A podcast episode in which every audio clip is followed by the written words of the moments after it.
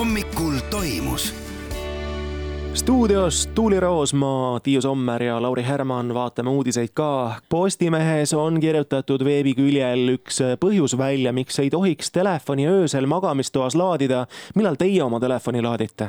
Öösel ja magamistoas. öösel ja magamistoas. pean vastama täpselt samamoodi ja me ju tegelikult kõik teame, et kuidagi, et see ei ole väga hea magada elektrooniliste seadmetega kõrvuti. see on lihtsalt kukla teadmine, mida me ei kuula, aga kas nüüd see saab kummutatud, kas nüüd võtame kuulda? ei tea, ei tea, ei tea, aga Hispaanias tehti nüüd jälle üks uuring ja see näitas, et telefonide ja sülearvutite ekraanide, televiisorite ja isegi tänavavalgustite tehisvalgus ei lase kehal välja töötada rasvumisega võitlevat hormooni. see hormoon, me teame kõik, on melatoniin. apteegis käiakse seda juurde ka ostmas no, söömas. kasutatakse eelkõige ikkagi vist unehäirete puhul, et, et see laseks meid pigem magada, et rasvumise vastu ma isegi ei tea, et keegi seda kasutaks või kuidas teil on? aga nüüd nii on, aga nüüd nii on järelikult, et melatoniinil on mitu head omadust. üks asi on see, et äh, need ekraanikesed võivad ju helendada, aga teine asi on see kiusatuse teema ka ikkagi, et kui sul on see teadmine, et sul on see pisikene nutiseade siin kõrval, kus on nii palju põnevat võib-olla seal peidus, et äh, siis tahaks ja haaraks ja vaataks, piiluks midagi. Äh, minul on samamoodi, et kodus ma näiteks olen viinud küll sellise korra sisse, et lapsed ei tohi laadida telefoni öösel enda juures, nad toovad selle õhtul minu kätte. Oh,. ja, aga ise ma äh, seda meetodit ei kasuta, kuigi nad vahel ütlevad, et aga emme sina. Ja käige siis minu sõnade, mitte minu tegude järgi, on ju. täpselt nii. kuidas nad on, kas nad väga nagu krimpsutavad nina selle peale, et ootavad, et saaks juba kuusteist, et otsustaks ise selle asja üle või? Vot ma ei tea, kas nad on niimoodi sellise ajalise tärmini pannud, aga nad üldiselt kuidagi, ma ei, äh, on olnud niimoodi, et kui ema ütleb, siis nii on et kui on tehtud reegel, siis üldiselt selle vastu väga ei vaielda, kuigi mingisugused asjad, mis tulevad ootamatult, et siis on seda vaidlemist, argumenteerimist nii palju, et, et ennem kaotan mina jaksu ja argumendid kui nemad.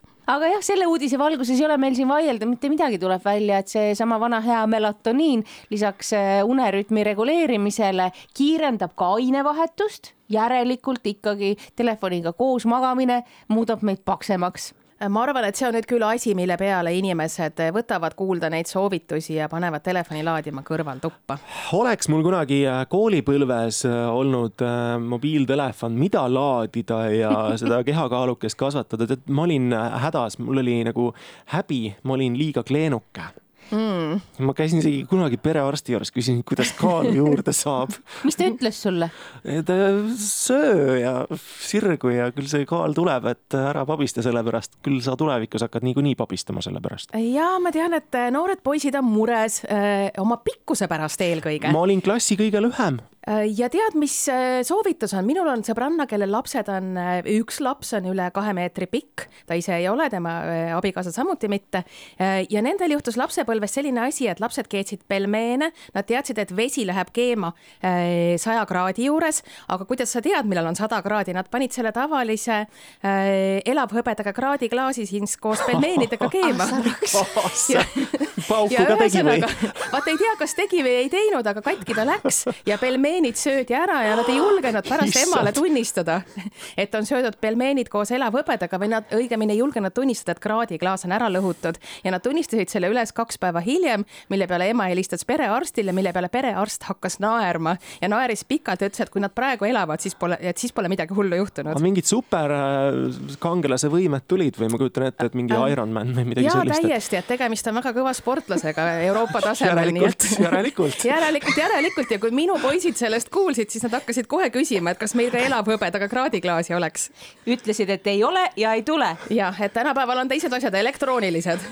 muide, selle uudise lõpetuseks on kirjutatud veel üks nüanss välja ja selleks on see, et kas te olete mõelnud selle peale, et need akulaadijad võivad üle kuumeneda ja võivad äh, hiljem hakata surisema, särisema ja tossama või isegi plahvatama, et selle peale ei ole muidugi mõelnud ja ka keegi ei mõtle õnnetuse peale siis, kui teda veel ei ole. raadio